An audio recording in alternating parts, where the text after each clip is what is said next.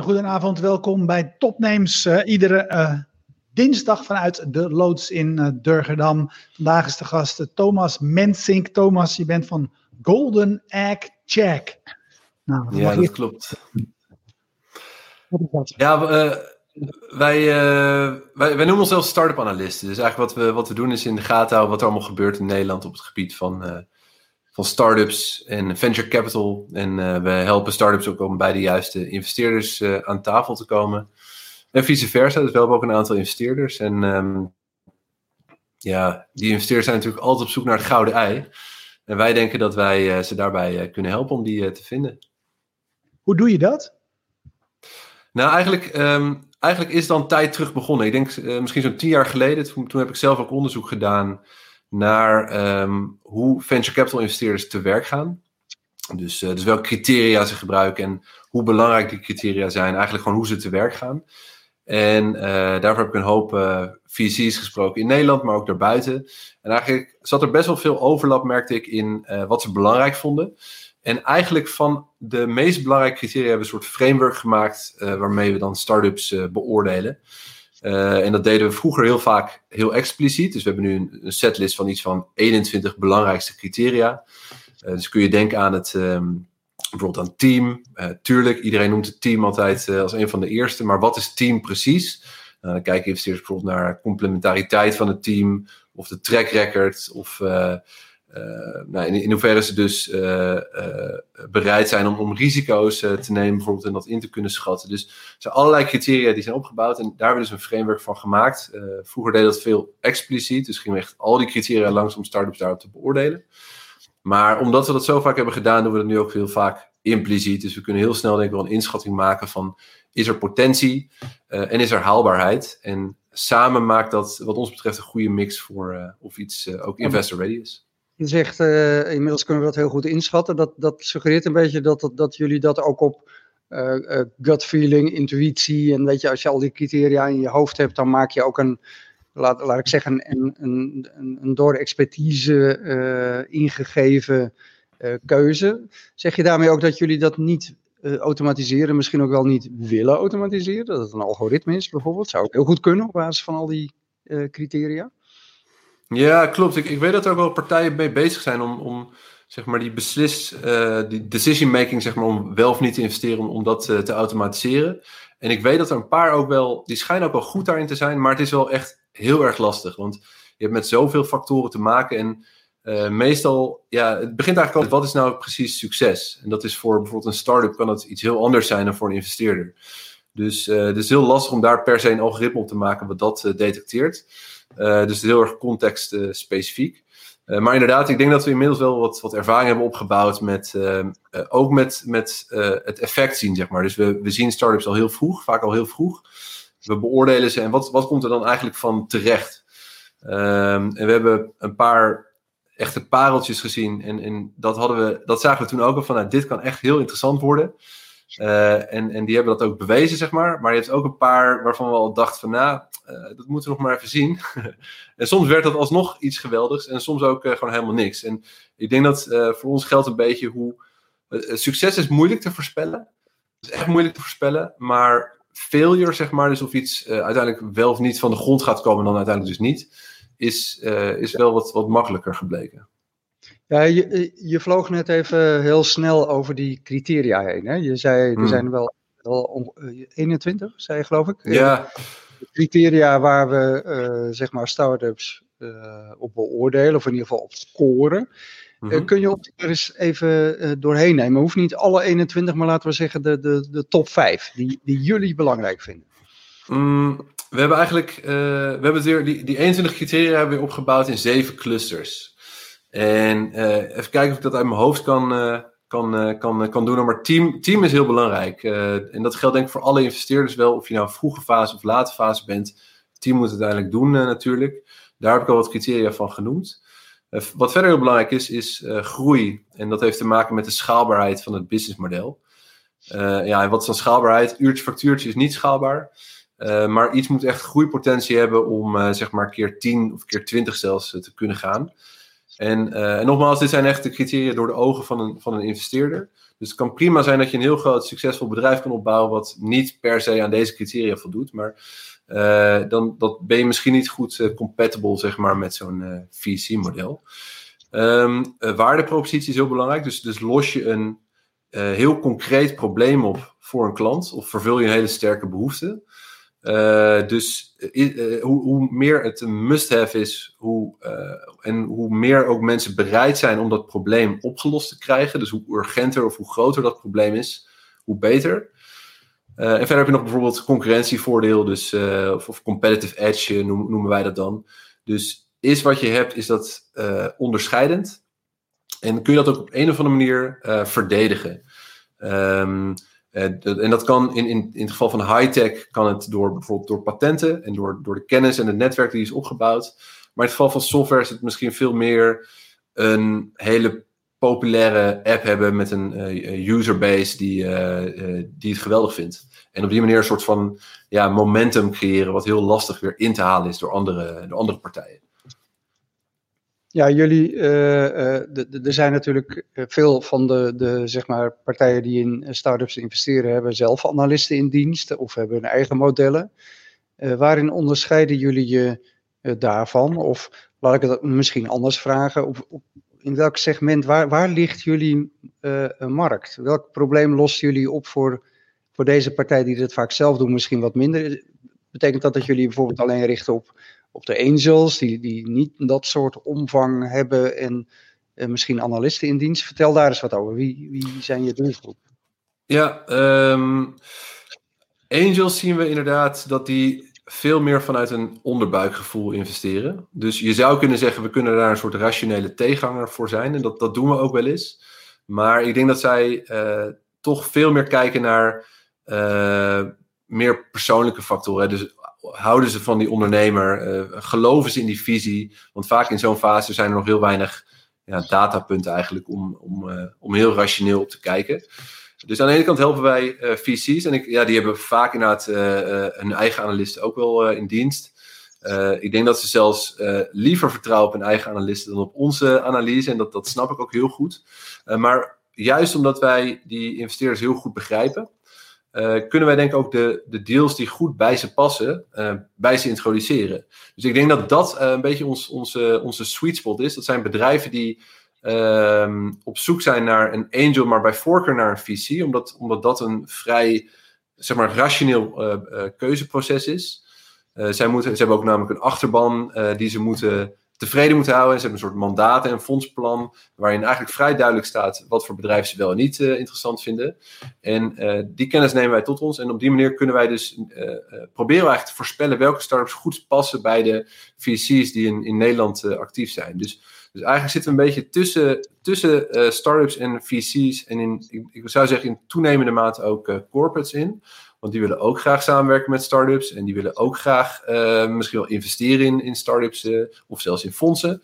Dus we zitten een beetje in die gouden driehoek, zeg ik altijd, tussen aan de ene kant startups, aan de andere kant investeerders, met name dus VC's en, um, en ook dus corporates. En, en Corpus hebben denk ik nog wel uh, de meeste moeite om, om echt in te schatten of iets nou meer opgehyped is of dat het gewoon echt een, een, een, een interessant en schaalbaar uh, businessmodel is. Hey, wat is jullie businessmodel? Hoe verdienen jullie hier geld aan? Nou, we hebben verschillende doelgroepen, dus ook eigenlijk wel verschillende businessmodellen. Uh, een van de initiatieven die we zijn gestart sinds, eigenlijk sinds corona is, is Startup Roulette. En dat is eigenlijk wel een mooi uh, initiatief, omdat het een soort speeddate is, online speeddate event, uh, waar we startups en investeerders met elkaar laten speeddaten. Je kunt je voorstellen, het is nu een stuk lastiger uh, voor startups om investeerders te ontmoeten, maar ook andersom, omdat al die tech-events of netwerkborrels, die, ja, die gaan allemaal niet door. Um, en wij hebben met Startup Roulette iets bedacht dat ze dus wel met elkaar kunnen kennismaken. Dus wij, wij verzorgen eigenlijk die eerste introductie. Um, en daar is het model gewoon heel simpel eigenlijk. En dat geldt voor, voor, meer dingen die, die we doen. Als er succes is, dan vragen we daar eigenlijk een, een, vrij kleine fee voor. Schappelijke fee zou ik zeggen. Uh, omdat we niet moeten hebben van een paar startups die meedoen. Maar we hebben het echt over, ik denk, 50 of 60 gesprekken per editie. Dus we geloven veel meer in een, in een hoger volume, in een kritische massa ook van, van investeerders. Ik denk dat in Nederland de, ik denk een meerderheid van de venture capital fondsen doet, doet al mee met, uh, met start-up. En, en een toenemend aantal angel investors, want daar hebben we ook een speciale editie voor. Dus als ze binnen een jaar uh, financiering ophalen bij een investeerder die ze via ons hebben leren kennen, dan, dan vragen we dus een, een bijdrage zodat we dat kunnen, kunnen blijven organiseren. Maar alleen dan, dus niet, niet om mee te doen. Nee, nee, nee daar, hebben we, daar hebben we bewust voor gekozen hoor. Want uh, um, het is. Uh, ja, in, in dit geval is het gewoon makkelijker om ook goede, zeg maar de allerbeste startups naar je toe te trekken en mee te, te laten doen. Als ze niet vooraf iets uh, moeten betalen en ze nog niet precies weten wat ze, wat ze dan krijgen. Dus, dus ja, we, denken dat we een, goed model hebben en ook dat we ze echt kunnen helpen om heel efficiënt met, met de juiste investeerders in, aan tafel kunnen komen. En uh, echt goede ondernemers die kennen ook vaak, die hebben al een eigen netwerk opgebouwd met, uh, met, met VC's in binnen- en buitenland. En, ons doel is gewoon om, om dat netwerk iets voor ze uh, uit te breiden. En dan op, wel op een hele efficiënte manier. Dus als het niks is, uh, dan, ja, dan zijn ze in het ergste geval 20 minuten van hun tijd kwijt. Maar we zien wel dat er veel vervolggesprekken worden gepland om toch nog eens even dieper te kijken of het, of het wat kan worden of niet. En dan merk je dus eigenlijk dat onze onze rol verschuift veel meer, en dat is denk ik ook in de afgelopen jaren gebeurd hoor, maar verschuift veel meer van een uh, analist die zelf die proposities allemaal beoordeelt, naar iemand die vooral heel veel startups kent en, en naar zich toe trekt, zeg maar, en dan probeert bij de juiste investeerders uh, aan tafel uh, te zetten. in dit geval dus digitaal aan tafel. Dus ja, onze rol is ook een beetje verschoven, zou ik zeggen. Jullie worden wat dat betreft steeds meer de middleman. Ehm, ja. Hoor. Ja, maar hey, we proberen dat wel op een slimme manier aan te pakken. Dus, dus en analytisch, dat we echt bijhouden wat gebeurt er nou in Nederland en wat voor deals zijn er. Daar, daar halen we analyses uit. Uh, en, en dat we dus eigenlijk proberen zoveel mogelijk investeerders in kaart te brengen en te proberen te doorgronden uh, wat ze precies doen en wat hun voorkeuren en investeringsstrategie zijn. Dus we hebben niet zomaar een Rolodex en we proberen met hagel te schieten, maar elke match die we maken zit wel een bepaalde, bepaalde gedachte achter. En dat, uh, dat kost dus ook best wel veel tijd om dat goed te doen, maar wij denken dat dat wel, uh, wel ja, loont in de termijn. Ja, een datingclub, maar dan niet met een algoritme en niet te veel swipen, maar op, op basis van kennis van de markt. Um, ja. hey, ik vind het wel interessant om even, want jullie weten denk ik als geen ander hoe de start-up scene ervoor staat in, in Amsterdam. Hè. Is helemaal vanuit wat je net beschreef, die, die netwerkfunctie. Jullie kennen al die start-ups, jullie hebben die investeerders in, in kaart ik heb uit wat, ik, eh, wat we lezen, en wij volgen het natuurlijk ook vrij nauwkeurig, het idee dat er heel veel geld geïnvesteerd wordt de afgelopen jaren in Amsterdamse start-ups. Ja. Um, hoe zie jij die ontwikkeling? Wat, wat is er aan de hand? Wat gebeurt er? Hoe staan we ervoor? Uh, ik denk heel goed eigenlijk. Ik denk dat, uh, dat het een goede tijd is om een start-up uh, founder te zijn en, en, en, geld op te halen specifiek voor Amsterdam weet ik het niet, niet uit mijn hoofd. Maar afgelopen jaar in Nederland is er ongeveer anderhalf miljard geïnvesteerd. En ik zie wel dat bijvoorbeeld de, een derde van die deals waren van uh, Amsterdamse start-ups. Um, dus waren voor mij iets van 260 deals of zo. Dus een derde daarvan was, kwam uit Amsterdam. En die Amsterdamse start-ups trekken zelfs de helft van het geld aan. Dus dat is uh, duidelijk zeg maar de start-up hoofdstad ook van, van Nederland. Um, en eigenlijk de trend die ik nu over de afgelopen jaren zie, is dat er veel en veel meer geld beschikbaar komt voor start-ups. En dan met name ook voor scale-ups zou ik zeggen. Dus bedrijven die grotere rondes ophalen, die net een stapje verder zijn al. Um, er is gewoon veel geld bijgekomen in de markt. Dus er zijn veel meer fondsen in Nederland opgestart. Uh, maar er zijn ook steeds meer buitenlandse investeerders, denk ik, die het interessant vinden wat hier gebeurt. En uh, dus ook steeds vaker hier een soort van de krenten uit de pap beginnen, te, beginnen te halen. dus ik zei, vorig jaar is er anderhalf miljard bijna geïnvesteerd. En dit jaar liggen we eigenlijk op schema om dat zelfs nog te gaan overtreffen. En, en dat heeft me wel verbaasd, omdat ja, het is, weet je wel, het is een coronapandemie ik had gedacht dat, dat uh, kijk, dat, dat geld ligt toch wel op de plank, zeg maar. Die fondsen die bestaan en die hebben het geld beschikbaar om te investeren. Maar ja, veel startups hebben toch wel last van die, uh, uh, nou ja, van, van, van die corona met, met langere salescycli en, dat soort dingen. Dus ik had eigenlijk gedacht dat, dat het iets zou, zou, zou terugvallen, zeg maar.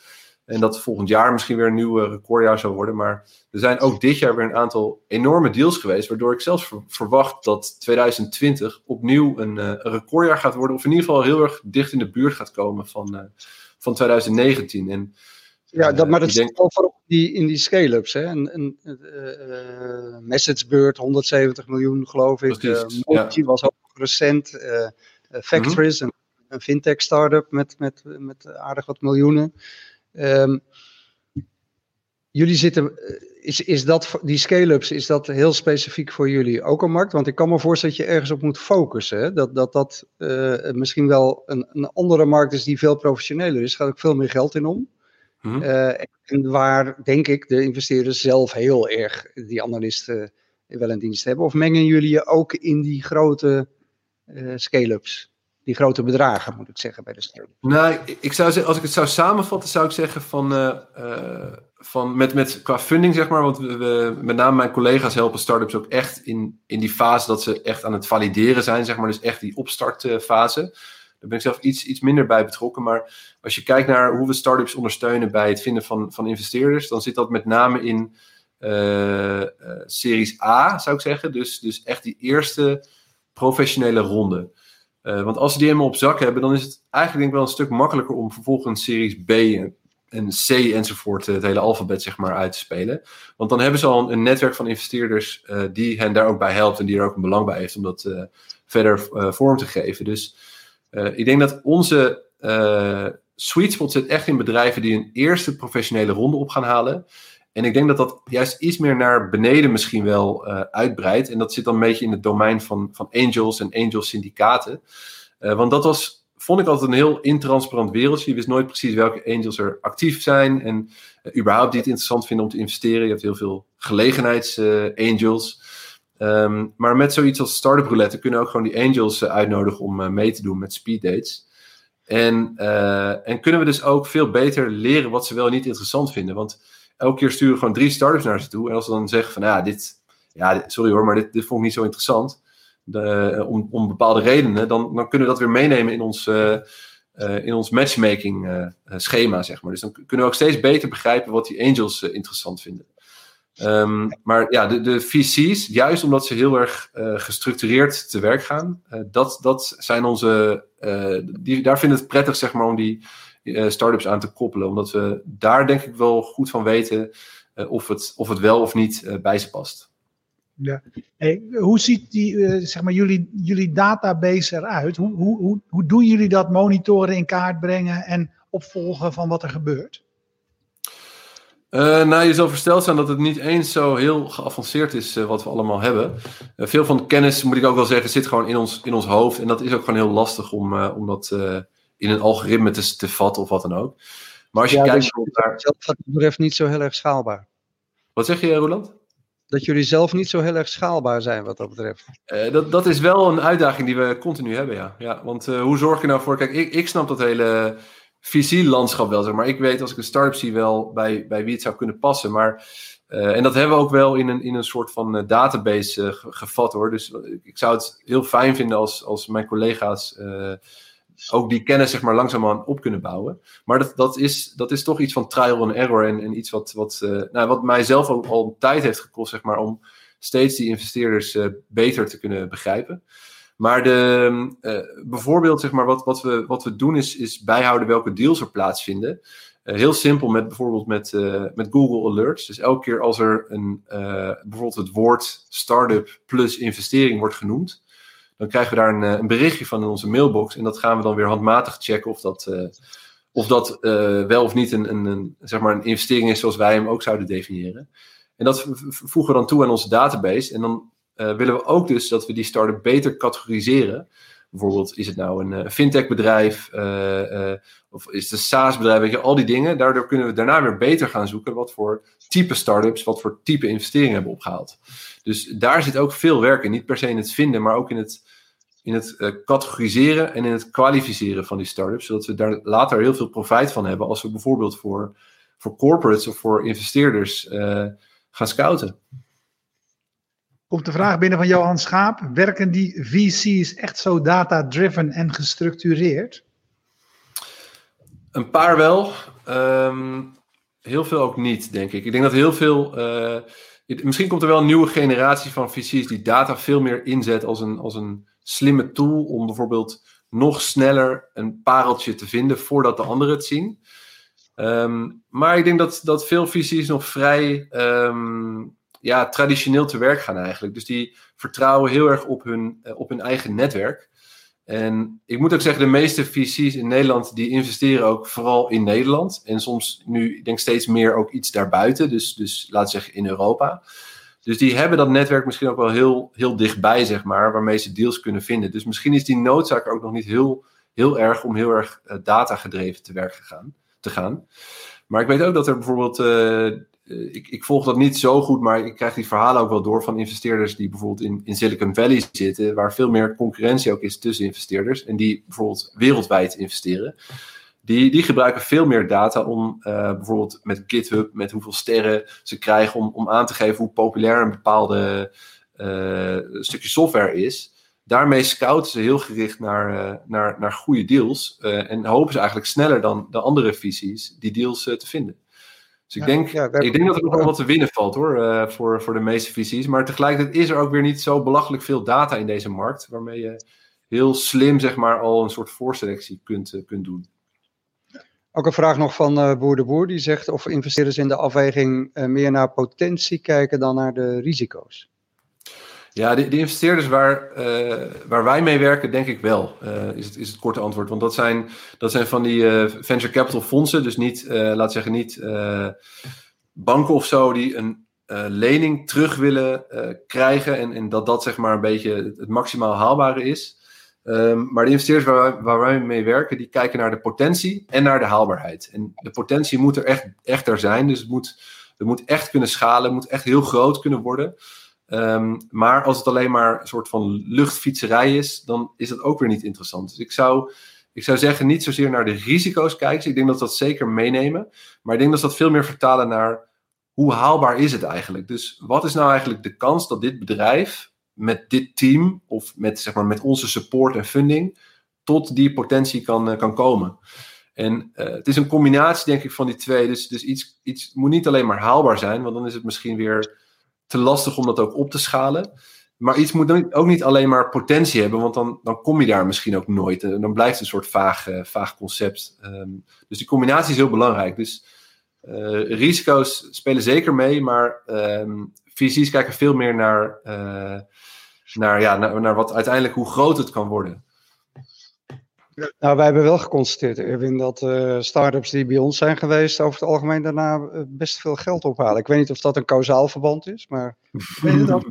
We nog een keertje samen later over hebben, Thomas. Of wij, of wij daar enige, enige rol in spelen. Ja, dat is een goed idee. Uh, ik zou wel benieuwd zijn. Maar ik denk, um, we hebben eerder wat onderzoek gedaan en, en daar bleek eigenlijk uit, en niet, niet ten nadele van jullie hoor, jongens, maar dat uh, het maakt niet echt uit waar een start-up in de media komt, als het maar in de media komt. En dat, dat, daar zagen we een, een, een in ieder geval een correlatie met, uh, met funding die ze ophaalden binnen uh, afzienbare tijd. Ja, dus, dan concludeer ik dat we een rol spelen. Dat denk ik wel, ja. Dat denk ik wel. nee, dat, dat meen ik echt. Ik, ik denk dat dat, dat, dat draagt bij als social proof. Hè. Dat, dat werkt wel, denk ik. Even een vraag van een kijker. Uh, Mark Verbrugge zit mee te kijken en die vraagt wat de minimale maandelijkse revenue is die je als start-up moet hebben om mee te mogen doen aan de start-up roulette. Ja, uh, leuke vraag. Um, uh, we kijken eigenlijk vanaf omzet. Dus dat, dat is het fijnst, omdat we hebben ook wat angels die, die zijn, die kunnen misschien nog over hun, hun hun hartstrijk, zeg maar, als een start nog geen omzet heeft, uh, als ze maar heel erg in die markt geloven. Dus we kijken wel echt per case of het wel of niet past. Maar omzet is toch wel een minimale uh, ondergrens, zou ik zeggen. Dat, dus er moet wel iets zijn. Uh, en we kijken ook heel erg naar, als we het gewoon echt nog te vroeg vinden, en dan kan er wel omzet zijn, maar als we het echt nog te vroeg vinden, als de propositie nog niet helemaal duidelijk is, als wij kortom denken dat dit niet een kans van slagen heeft om binnen zes tot negen maanden funding op te halen, dan, uh, dan nodig je niet uit. Of nog niet, zeg maar. Dat kan altijd later nog wel. En, en voor die VC-editie, dan, we weten gewoon dat de meeste VC's vinden het echt interessant worden vanaf uh, 50k uh, omzet per maand.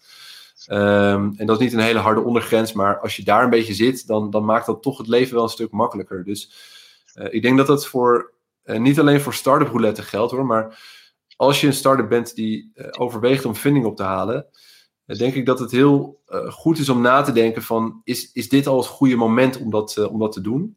Want als je te vroeg bent, dan zul je gewoon heel vaak nee horen. En dat is toch, ja, je verspeelt dan misschien wel hele kostbare tijd die je ook had kunnen stoppen in, in het verder brengen van je bedrijf. En ik denk dat startups ook wel vrij snel geneigd zijn misschien om, om naar, fun, naar, naar investeerders toe te stappen. Misschien omdat, omdat ze ook een beetje gek worden gemaakt hè, met ook wat ik eerder zei, van dit is de beste tijd om, om geld op te halen, om een start-up te zijn.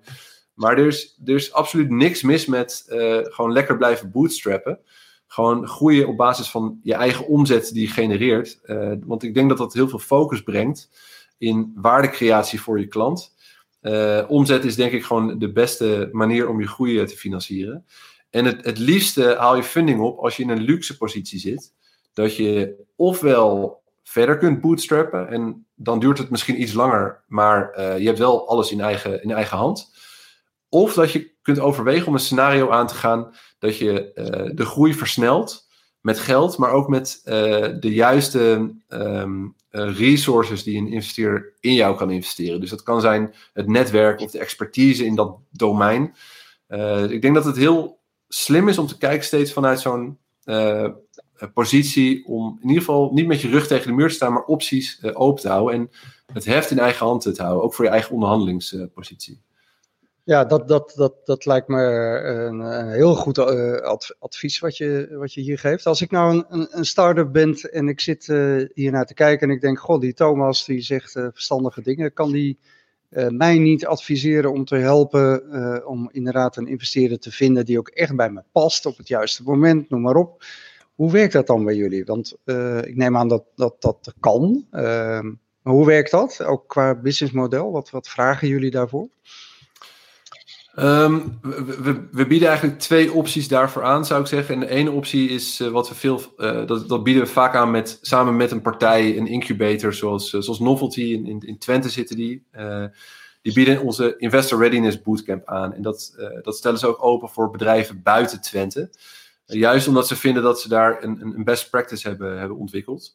Dus dat is misschien een hele mooie optie. Dat, dat is een plenair eigenlijk, een plenair klasje, wat we dan tegelijkertijd eigenlijk meer theorie vertellen over hoe investeerders te werk gaan en besef goed hoe, hoe dat werkt en al die dingen.